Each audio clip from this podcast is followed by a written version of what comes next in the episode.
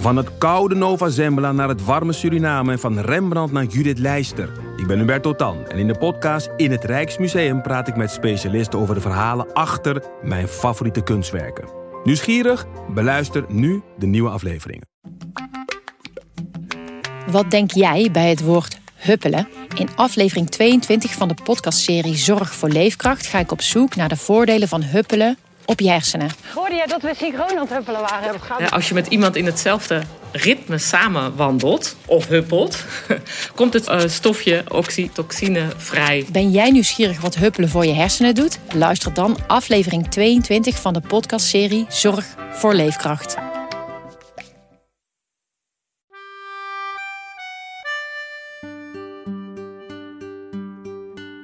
Dit is Man met de microfoon met echte en bijna echte verhalen. En mijn naam is Chris Baayema.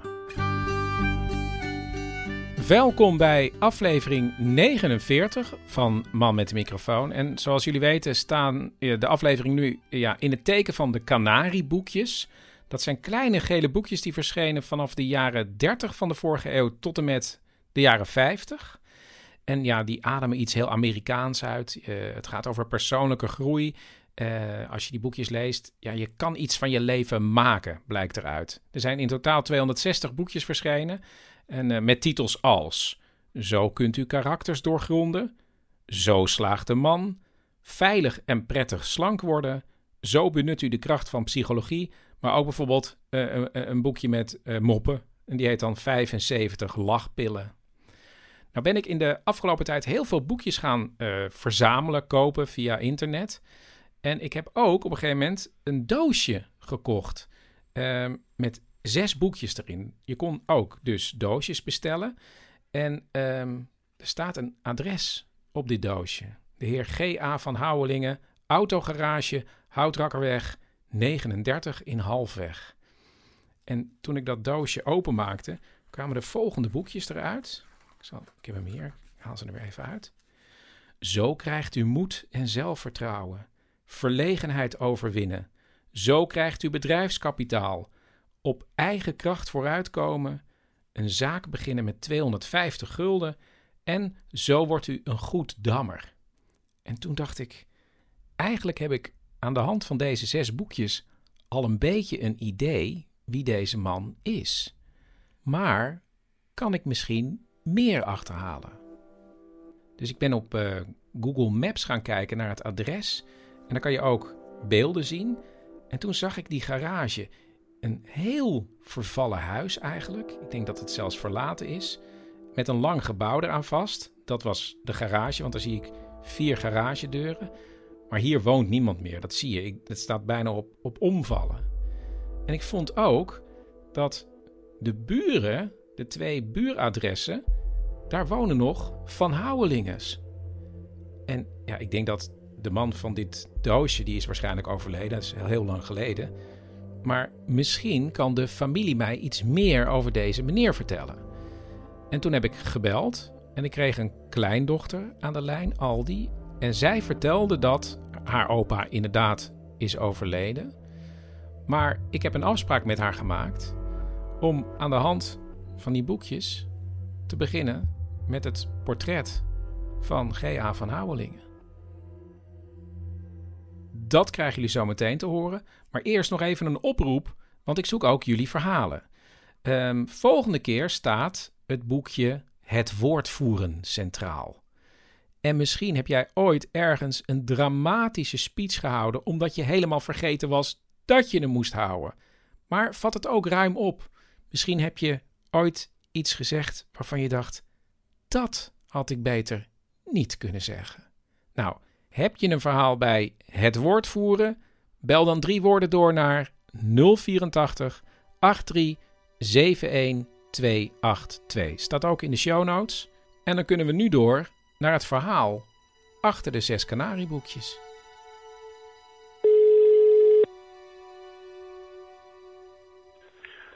Goedemiddag, met Aldi van Houwelingen. Hey Aldi, met Chris. Hey, die Chris, goeiedag. Hallo. Ik verwacht je al, ja. Had je die foto nog gezien van die boekjes? Ik heb de foto gezien, ja, ja. En, eh, en, ik kan me voorstellen dat je geboeid bent geraakt door de, door de teksten van, uh, van de boekjes. Ja, Dat toch? is natuurlijk hartstikke leuk. Ja, ja. Het spreekt me ook aan omdat, omdat ik mijn opa er wel in herken natuurlijk. Aldi woonde als klein kind naast haar opa en oma, want haar vader had samen met drie andere broers meegeholpen in de garage en die uiteindelijk overgenomen. Maar wat was het nou eigenlijk voor een familie? Oh, nou. Het is een vrij grote familie.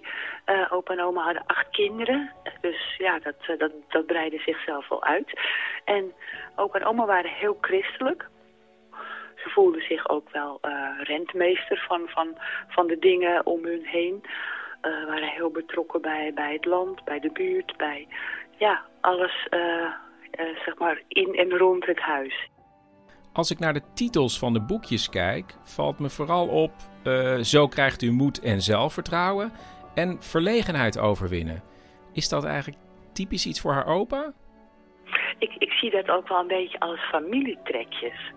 Er zijn geen van alle eh, eh, op, mensen die graag op de voorgrond treden. Als het moet, dan gebeurt dat natuurlijk gewoon. Maar eh, ja, een, zekere vorm van, van verlegenheid of bescheidenheid zit er bij heel veel eh, familieleden wel in. En, en ja, dat kan voortkomen dat dat gewoon een, een, een aangeboren iets is, hè, dat het in de genen zit. Maar het kan ook voortkomen uit, uit die super strenge gemeenschap waar ze uit, uh, uitgekomen zijn. Dat het gewoon niet op prijs gesteld werd als je, als je zelf te veel op de voorgrond plaatste. Ook hier in het buurtje, we wonen, ja dat heet het Rode Dorp. Het is echt zo'n zo'n buurtje in Halfweg. Daar was bijvoorbeeld ook een speeltuinvereniging uh, in vroegere tijden. Ja, daar wilde hij best wel aan meehelpen. Maar hij was niet van plan om daar de voorzitter te worden of wat dan ook. Dan zocht hij echt wel een taak van, nou, hè, waar, waar hij zich wel dienstbaar kon maken, maar waarbij hij niet continu aan het woord hoefde te zijn of, of op de voorgrond hoefde te treden. Dus ja, terwijl hij aan de andere kant uh, vond ik mijn opa altijd wel een heel open iemand. Uh, enorm oog voor nieuwigheden of gadgets, zoals je ze tegenwoordig zou noemen. Hij had voor mijn oma al een, een, wasmachine uitgevonden. die, voordat, het, voordat die dingen echt in productie genomen werden. Ze hadden als eerste een stofzuiger, een telefoon, dat soort dingen. Dat, dat, ja, dat kon ontzettend bezighouden. En ja, ook toen hij het bedrijf opstartte, ze gingen van alles uitvinden om, het, om de landbouw te mechaniseren en... Uh, ja, uh, ook dingen zelf maken. Bijvoorbeeld uh, ploegen lichter maken, zodat er niet zo verschrikkelijk zware materieel op de, op de landen moesten. Ze, ze hadden een autotractor in elkaar geknutseld. Nou ja, er zijn wel meer van die, van die woorden. Een locomobiel, een soort stoomvoertuig, wat dan weer een dorsmachine aanzwengelde.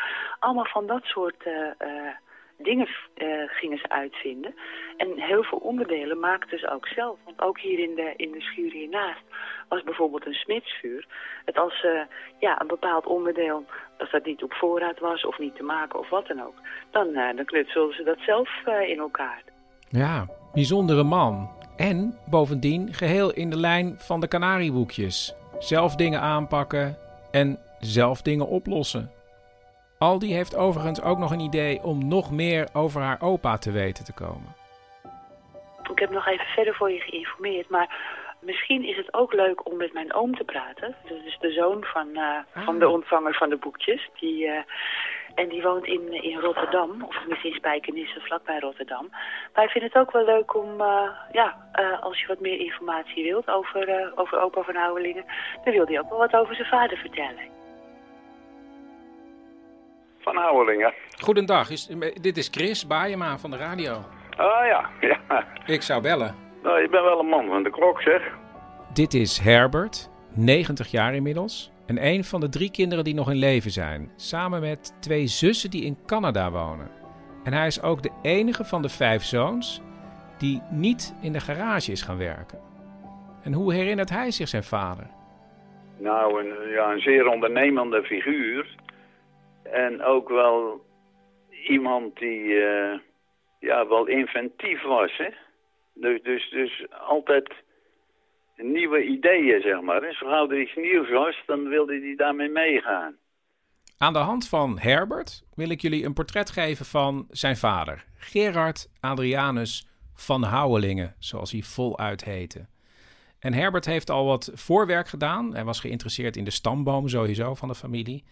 Dus hij begint ja, bij het ouderlijk huis van zijn vader. Mijn vaders vader, dus mijn opa zeg maar, dat was Wouter Dingeman van Houwelingen en die was brandstofhandelaar. Die woonde in Amsterdam. Ja, zijn vader had een winkeltje en dat werd ook wel een water- en vuurwinkel genoemd. Want daar kon je naast brandstof bijvoorbeeld ook uh, hete kolen kopen of heet water om de was mee te doen. En in het gezin werden drie kinderen geboren. Voor 1900 een meisje en een jongen. En in 1900 nog een jongen. Die heette dan Gerard Adrianus. Maar die moeder, die is bij de volgende geboorte gestorven. Toen was mijn vader twee jaar. En toen die zeven jaar was, is ook zijn vader gestorven. Dus toen waren het weeskinderen, die drie kinderen die daar overbleven. Oom Marinus, de broer van de overleden moeder, werd de voogd van de kinderen. En die heeft ze daar toen weggehaald. En uiteindelijk zouden ze dus naar het weeshuis in Zaandam gebracht moeten worden. En hij moest ze daar naartoe brengen. En hij kwam daar voor de deur en hij, hij kon het niet over zijn hart verkrijgen. Hij heeft ze mee teruggenomen. Hij zegt, nee, ik laat ze hier niet achter. Die heeft die kinderen meegenomen, maar ze gebracht bij opa en oma. Op de boerderij in de Amsterdammer polder.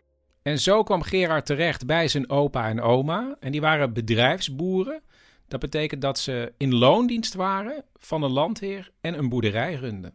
En waarschijnlijk heeft hij daar de eerste jaren meegeholpen op het bedrijf, totdat hij 12 werd en officieel kon gaan werken.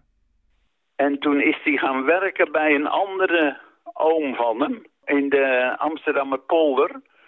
Had hij een smederij om paarden te beslaan en zo. En daar is mijn vader gaan werken en daar was hij dus ook in de kost, heb ik wel eens begrepen. En daar had hij het niet zo goed naar zijn. Dat toen hij 16 was, toen is hij voor zichzelf begonnen. Hij huurde toen van een boerderij, zeg maar, de smederij. Want vroeger als je dus een boerderij begon, dan moest daar, eh, er waren altijd heel veel paarden vroeger. Want tractoren waren er in die tijd nog niet. Maar dan hadden ze een eigen smederij. Maar op een gegeven moment werd die smederij niet zo meer gebruikt. Toen heeft mijn vader die gehuurd en daar is hij voor zichzelf begonnen. En ook met uh, ja, verkoop van uh, landbouwspullen, zeg maar. Een, uh, een spa en een, en een hak en een riek en dat soort dingen. En toen begonnen de fietsen te komen. Want dat was vroeger natuurlijk ook al een zeldzaamheid, een fiets.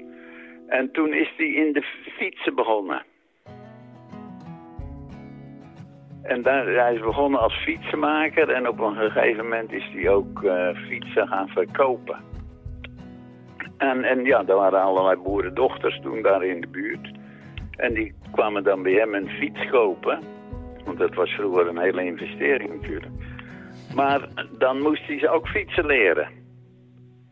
Maar hij mocht, hij mocht dan het zadel niet vasthouden met zijn handen. En dan had hij een ander instrument gemaakt, zeg maar een stok van een meter lang... die je met een klem aan het zadel vastmaakte of net aan het frame vastmaakte.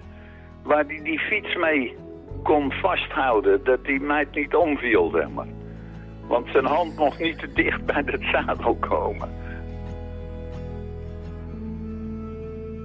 En hij ging langs de deur in de polder met ook weer met petroleum en, en, en karbiet en zo voor, voor lampen.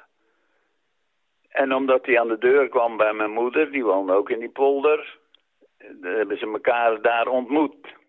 Nu viel Gerard sowieso wel op als 16-jarige jongen die in zijn eentje boven een eigen smederij woonde die meiden die daar in de buurt woonden, onder andere mijn moeder, en die kwam ook uit een groot gezin met allerlei meiden, die, die zorgden wel goed voor hem, geloof ik. Hoor. Want? Want die vonden dat wel interessant natuurlijk, dat er zo'n zo'n ja, zo'n jochie daar eh, van hun leeftijd kwam wonen. Want in die polder waren er niet zoveel mensen natuurlijk. want die gingen ook zijn bed wel eens opmaken, heb ik wel eens begrepen. ja, niet alleen mijn moeder, maar, maar ook een zus van mijn moeder. Die, die zorgde, ja, die vonden het zielig, dat het, want het was een weeskind, zeg maar. En die zat daar in zijn eentje en we liepen hem wel een beetje achterna.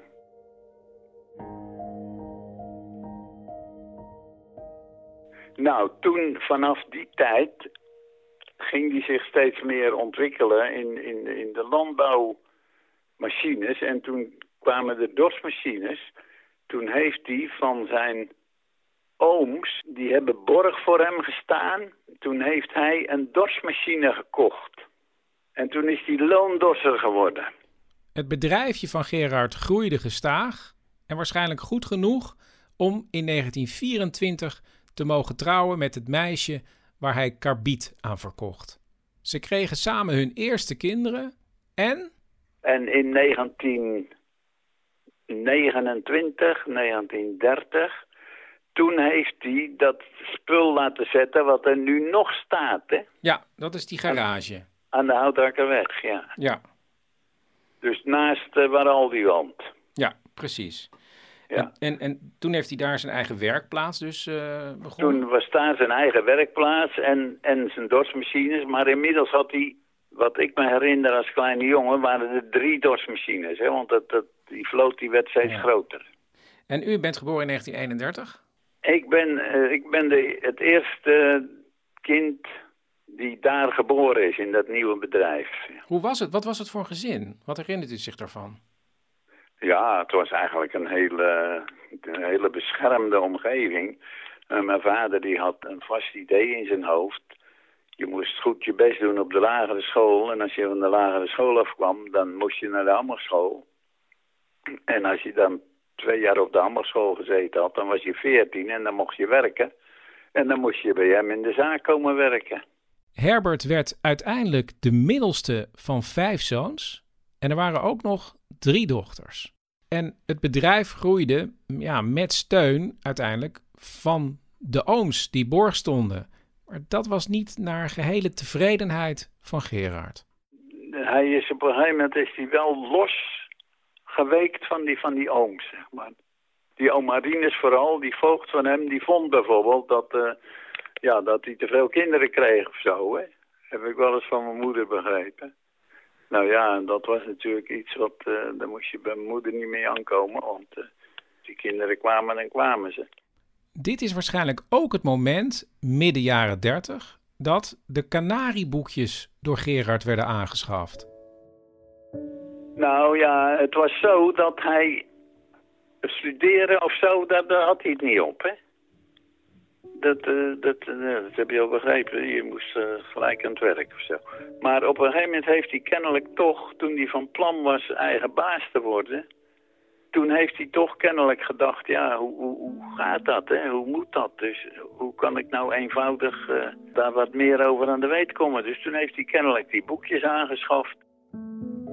Zo krijgt u bedrijfskapitaal, op eigen kracht vooruitkomen en een zaak beginnen met 250 gulden. We weten het niet zeker, maar het zou een steuntje in de rug kunnen zijn geweest om de bank ervan te overtuigen, en dat is hem gelukt, dat de borg van de ooms niet meer nodig was. Geheel los van zijn familie groeide het bedrijf verder en de oudste zoons begonnen mee te helpen in de garage. Er werden vooral landbouwwerktuigen verhuurd en gerepareerd. En Gerard was altijd op zoek naar iets nieuws. Ja, en het was een, een, vrijbuiter, zeg maar, hè. Want hij had toen hij daar dat bedrijf begon aan de Houtrakkerweg... had hij een, eh, een benzinepomp ook aan de weg staan... Om, om benzine te verkopen aan auto's. Ook voor zijn eigen gebruik natuurlijk en voor de tractoren. Maar het was een Shell-pomp. En dan kwamen ze van de Shell kijken hoeveel of die verkocht had. En ja, die, die vonden altijd dat hij te weinig benzine verkocht, zeg maar. Hè? Hij moest meer verkopen. Nou, op een gegeven moment was hij dat zat. En toen heeft hij ja, die pomp van, de, van het erf afgeschopt, zeg maar. Weg, halen jullie maar weg. En toen heeft hij een vrije pomp heeft hij toen aangeschaft. Dat hij niet afhankelijk was van de maatschappij. Die moest je dan wel zelf betalen. Maar dan was hij eigen baas, want dan kon hij slecht tegen als iemand hem probeerde te corrigeren of te dirigeren. Dat, eh, dus was wel een vrijbuiter. Een vrijbuiter met vanaf dat moment een grote hekel aan de Shell, maar ook iemand met een groot rechtvaardigheidsgevoel. En dat bleek wel toen de Tweede Wereldoorlog uitbrak. Toen, uh, ja, wij hadden natuurlijk een gezin van... Toen waren we met z'n tien, acht kinderen en, en vader en moeder. Maar toen was er dan weer een tante en die woonde in Den Haag met, uh, met haar man. Maar die man was opgepakt, die, zat in, uh, die was bij de politie, maar die hadden de Duitsers dus opgepakt. En die vrouw die zat daar alleen met twee kleine kindertjes in Den Haag. En toen was er vlakbij, want daar schoten ze V1's af naar Londen toe, de Duitsers. Toen was er een V1 die was uit zijn baan geraakt en die was bij haar huis in de buurt neergestort. En ja, zij zat daar uh, midden in de winter zonder, uh, zonder glas nog in de ruiten, want alle ruiten waren eruit gekledderd en zo. Maar ja, dan haalde mijn vader, die had een een of andere autoversier, die haalde ze op. En toen is ze dus, uh, het laatste oorlogswinter is ze bij ons in huis geweest het gezin. Dus toen waren we met z'n uh, dertiende en later toen is die oom, die is uit, uit het kamp waar die zat bij de Duitsers, is die ontsnapt. Dus die kwam op een gegeven moment ook bij ons aanzetten en ja, die kwam er ook nog bij. Dus. Maar die oom zat daar ondergedoken? Die is ook nog ondergedoken geweest, ja. En ook ja, met eten natuurlijk, hè, want in de hongerwinter kwamen er veel mensen uit Amsterdam ook, die kwamen de polder in om, om eten. En ja, die, ja, die kreeg altijd eten bij ons. Dus uh, mijn moeder die was, die was de hele dag aan het, uh, aan het koken en, aan, aan, het brood bakken en weet ik wat allemaal. En wij, wij maalden dan uh, dat meel voor, voor, voor de hele buurt, want mijn vader had machines natuurlijk. En daar had hij dan weer, weer een of andere meelmolen had hij, zat hij op de kop getikt. En ja, dan gingen wij meel malen voor, voor iedereen die dan bij een boer wat graan versierd had. En die kwam dat bij ons laten malen en zo. En we hebben ook nog een paar keer een, uh, ja, een overval gehad, zeg maar. Hè. Toen kwam uh, ja, een stelletje van die Duitsers, die, die gingen het hele bedrijf gingen ze bekijken. Of ze de dingen hadden die, die, die ze gebruiken konden. Daar, daar hebben ze allerlei dingen mee gejat en zo. Dit alles weerhield Gerard er niet van om de kans te grijpen om de bezettende macht te saboteren. Kijk, het was op een gegeven moment zo, toen moesten de boeren, als ze een tractor hadden, die moesten ze inleveren bij de Duitsers. Want die Duitsers hadden ze zogenaamd nodig voor het Oostfront, om de oogst in de Oekraïne binnen te halen. Maar die boeren die wilden natuurlijk die trekkers uh, niet zo graag aan die, aan die Duitsers geven. Dus die probeerden dan een hele oude rottrekker... probeerden ze dus te versieren. En die leverden ze dan in. En die nieuwe, of die mooie, de goede, die stopten ze weg. Maar mijn vader moest dan die oude trekkers gangbaar maken. Dus de, wij kregen de meest meest bijzondere tractoren en, en antieke dingen voor de deur. En die moest hij dan ja, maken dat ze draaien konden. En die leverde die boer dan in. Hè. Geweldig. En, en ik, daar is hij op een gegeven moment uh, ja, als saboteur of weet ik wat is hij aangeklaagd. Maar dan, dan hebben ze hem toch niet kunnen pakken. En dat was dan dankzij een, een Duitser die hem kende ja, van een Duitse firma waar hij ook zaken mee deed. En uh, dat, uh, ja, die heeft hem geloof ik eigenlijk wel min of meer vrijgepleit ook toen. In de oorlogsjaren rond Herbert overigens zijn lagere school af. En dan zou hij naar de ambachtschool gaan, naar zijn vaders wens. Maar voor de ambachtschool moest je minimaal 12 jaar en 8 maanden zijn. En ik was nog geen twaalf jaar en acht maanden. Dus ik mocht niet naar de ambachtschool. Nou, toen zei mijn vader, dan blijf je nog maar een jaar op de lagere school. Hè? Want dat, patroon zat zo vast in zijn kop dat hij... Dat hoorde zo. Maar toen is de, de bovenmeester in het geweer gekomen. En die, die kwam praten met mijn vader. Ja, maar dat is zonde, want hij kan goed, goed meekomen. En, uh... Dus uiteindelijk ging ik in Amsterdam naar de MULO. En in het tweede jaar van de MULO Het was toen 1944 en het was het oorlogsjaar dat de scholen dichtgingen in Amsterdam. En toen waren er een paar leraren die op halfweg woonden en op die school les gaven. Die hebben toen die paar jongens die van halfweg naar die school toe gingen, hebben ze aan huis les gegeven. En de ene gaf de wiskundevakken en de andere de talenvakken. Dus wij zijn eigenlijk die hele oorlog zonder uh, vertraging doorgekomen. En toen hij de Mulo had afgerond, wilde Herbert verder. Ja, nou ja, ik zei ja, ik wil wel naar de, naar de, de MTS heette het toen, hè. De, de, tegenwoordig heet het HTS. Maar ja, goed, het duurde wel een tijdje voor hij daarmee overstag ging. Ook nog weer met hulp van een leraar van die MULO, hè, die, die dan op halfweg woonde, de wiskundeleraar. Die zei, ah, hij, is, hij, is, hij kan dat best. Dus die heeft hem eigenlijk omgepraat. Het feit dat hij door kon leren, zorgde er gek genoeg ook voor dat hij zijn vader beter leerde kennen. Hij had wel hele goede ideeën, want uh, ja, toen ik eenmaal op die, op die HTS zat, dan leerde ik natuurlijk goed tekeningen maken en zo. En dan enkele keer had hij dan wel eens een idee van uh, dat hij een nieuwe machine wilde ontwikkelen en die moest ik dan tekenen.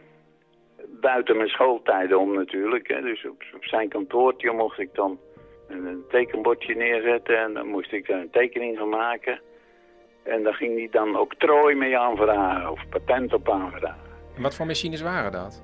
Nou, dat was onder andere een, uh, een wietmachine. Dus dat was aan een tractor kwam dan een zijbalk hangen. Die balk die kon dan in die schuine slootkanten hangen. En daar zaten dus wietinstallaties op om daar het onkruid weg te, te slaan. Het was een heel goed idee, maar helaas was er al een Amerikaanse machine die dit precies deed. Herbert is de enige van de vijf zoons die niet in de garage is gaan werken. Maar hoe is dat in zijn werk gegaan? Mijn vader had nog steeds het idee, als jij nou van die HTS afkomt, dat je, dan kom je in het bedrijf bij mij. Maar ik zei, ja, dat wil ik wel, maar toen waren er al plannen dat die hele polder, die zou verdwijnen. Dat werd havengebied en, ja. en recreatiegebied. Ik zeg, dan moeten we overgaan naar een hoveniersbedrijf, hè. Want dan kan je in plaats van dat je daar gaat dorsen, kan je de bomen gaan snoeien en, en dat, dat bos onderhouden. Nou, en mijn vader had daar wel oren naar, maar mijn broers niet. En ja, dan kreeg ik, omdat ja, ik was de enige die wat verder geleerd had. En ja, dan zat je toch tegen een front van vier man aan, te, te boksen. Toen dacht ik, nou jongens, ik, als, ik, als ik de goede vrede wil bewaren, kan ik beter weggaan. En toen heeft Herbert, zonder dat zijn vader het wist, gereageerd op een advertentie in de krant van een ingenieursbureau. En hij belde nog diezelfde avond. En het bleek dat hij tijdens dat telefoontje meteen werd aangenomen. Toen, toen zeg ik, wanneer kan ik beginnen? Hij zegt, kan je morgen beginnen? Ik zeg, nou ja, dat is goed. Dus, maar toen, ja, toen heb ik hem daarmee overvallen, min of meer. Hè? Dus toen ben ik naar het ingenieursbureau gegaan. En ik kon gelijk aan de slag, want ze leenden me uit aan, aan, aan de Shell. Oeh, uitgeleend aan de Shell. En we weten, Shell en zijn vader? Shell had hij altijd het best dan. Herbert ging helemaal zijn eigen weg. Maar het grappige is dat hij eigenlijk wel gelijk had. Want ook Aldi zag later, toen de broers alleen nog de garage runden, dat ze niet dezelfde spirit hadden als hun vader. Ze hadden niet het oog voor nieuwigheden en andere wegen die mijn opa wel had ja, wij als kinderen hebben, hebben ons daar ook wel eens over verbaasd. Van joh, hè, ga, ga in de kleine uh, machinetjes, uh, zoals die van, die van die grasmaaiers of weet ik veel wat, hè, wat de plantsoenendienst heeft. Of, nee, dat, daar waren ze niet erg, uh, daar stonden ze niet erg voor open, laat ik het zo zeggen. Terwijl jouw opa weer echt een uitvinder was en een ondernemer en voortdurend aan het kijken was, wat kan ik doen? Ja, en die, en die had natuurlijk, ja, op sommige momenten de tijd ook heel erg mee. Hè, met de mechanisatie van de landbouw en, en, en noem al dat soort dingen weer op. Met de Marshallhulp en weet ik veel wat. Heeft hij ook goede zaken gedaan door, door tractoren in te kopen uit, uit Engeland en de Verenigde Staten. Dus die, die, ja, die was in een hele andere tijd. En waarschijnlijk zijn zijn zoons ook um, op, op een gegeven moment te oud geweest om om zich nog in een nieuw avontuur te storten. Dat, dat kan natuurlijk ook. Hè? Ja. En, en, zeker als je ja, je hele vertrouwde omgeving ziet veranderen... niet ieder mens gaat daar even gemakkelijk mee om natuurlijk. Ja, en ik neem ook aan dat je opa tot na zijn pensioneren nog verbonden is geweest aan de garage? Ja, ja. Dan is het natuurlijk ook heel moeilijk om, ja, om onder dat juk uit te komen, denk ik. Klopt, ja. ja. Nou ja, en, en, zeker vanuit, uh, nou ja, wij noemen het altijd maar een beetje sport om de oud-testamentische sfeer waarin ze zijn opgegroeid. Uh, hadden ze heel sterk van eert uw vader en uw moeder. Dus die zijn toch wel een klein beetje blijven hangen in, in, uh, in het verleden, laten we het zo maar zeggen. De dingen waar ze mee op zijn gegroeid, het was heel lastig voor ze om om, om, een, om een eigen weg in te, in te slaan. Of, of door, om, om nieuwe dingen aan, uh, aan te pakken. Ja, ja dat, ik denk dat, dat, drukte, dat geloof drukte dus ook eigenlijk een beetje op hun gemoed eigenlijk. Ik denk het haast wel, ja. Maar dat is, dat is een persoonlijke gedachte hoor. Ik denk dat dat toch een, een, een echt een doctrine is geweest waar ze in groot gekomen zijn. Ja. Zo had je de vier zoons die trouw uiteindelijk de garage overnamen. En Herbert, die van de ene op de andere dag zijn eigen weg koos. En daar heb ik dus achteraf wel eens, uh, ja, dat ik denk, ja, dat heb ik niet netjes gedaan of zo. Maar weet je wat het ook is? Wat, wat ik met al die een beetje gaandeweg ontdekte. Van al die zoons lijkt u eigenlijk het meest op uw vader. Qua inventiviteit en een eigen nou, weg. ja, het is gek van mezelf te zeggen. Maar ik, uh, ik heb bij, uh, toen, toen ik dus uitgeleend was aan de Shell, werd ik na een, een half jaar of een jaar, zeg maar, toen ik daar dus uh, gedetacheerd was, kreeg ik het verzoek om bij de grote baas te komen. En uh, die zegt, joh, wil jij bij ons komen werken? En nou, ik heb daar een, prachtige carrière ge gehad. Maar toch wel dankzij de, de nieuwe dingen die ik ook wel zelf ontwikkelde, zeg maar. Weliswaar op papier alleen maar, hoor. Maar... Uh, toen heb ik ook in, inderdaad gedacht van... Ja, zou ik dat nou van mijn vader hebben? Toen Gerard eigenlijk min of meer al de gepensioneerde leeftijd had bereikt... kwamen de ouders van Aldi, haar vader was een van de garagebroers... naast opa en oma en de garage wonen.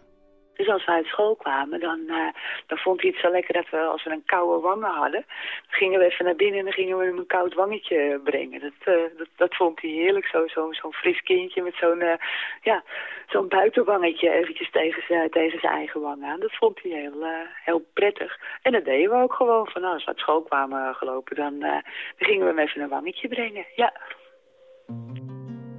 En Opa vond het ook leuk om dingen met zijn kleinkinderen te ondernemen. Uh, nou, ik mocht vaak mee uitrijden. Dat was natuurlijk sowieso heel erg leuk. En dan reden we een rondje door de polder. Of nou ja, wat dan ook. Dat, dat vond ik heel bijzonder. En ik, ik was ook graag, uh, graag in het huis. Het, uh, het, was altijd gezellig. En altijd tijd voor een praatje of een verhaaltje. Of ja, zoiets. En ik denk, ja, wellicht omdat hij zelf zo hard heeft gewerkt in, in de jaren dat zijn kinderen klein waren uh, genoot hij des te meer van zijn kleinkinderen. Want toen kon hij het wat rustiger aan doen. En daar ook wat meer tijd voor, voor vrijmaken. Terwijl de vier broers meehielpen in de garage... werkte Herbert al die jaren bij de Shell. En? En toen was er een keer een open dag. En toen heb ik hem uitgenodigd om, om te komen kijken. Want omdat hij zo anti-Shell was altijd... En dat heeft hij toen gedaan met mijn moeder en mijn broer samen. Die zijn toen naar die open dag geweest. En die hebben toen die, die installaties en machines gezien. Ja, die, die, die onder mijn leiding dan min of meer ontworpen zijn. En gebouwd ook. En uh, daar was hij wel heel van onder indruk. Dus toen heeft hij wel gezegd, nou, je hebt wel een goede keus gemaakt. Ja. En daar ben ik wel blij mee. Want niet zo lang daarna, ja, toen kreeg hij uh, slokdarmkanker. Toen is hij gestorven. Zat u eigenlijk te wachten op een soort goedkeuring van uw vader?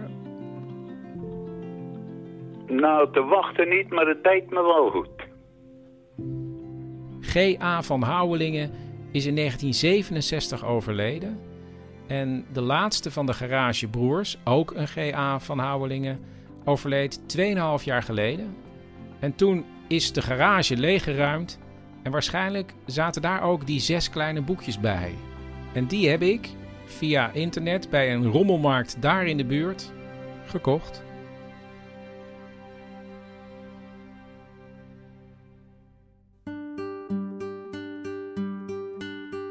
Dit was aflevering 49 van Man met de Microfoon.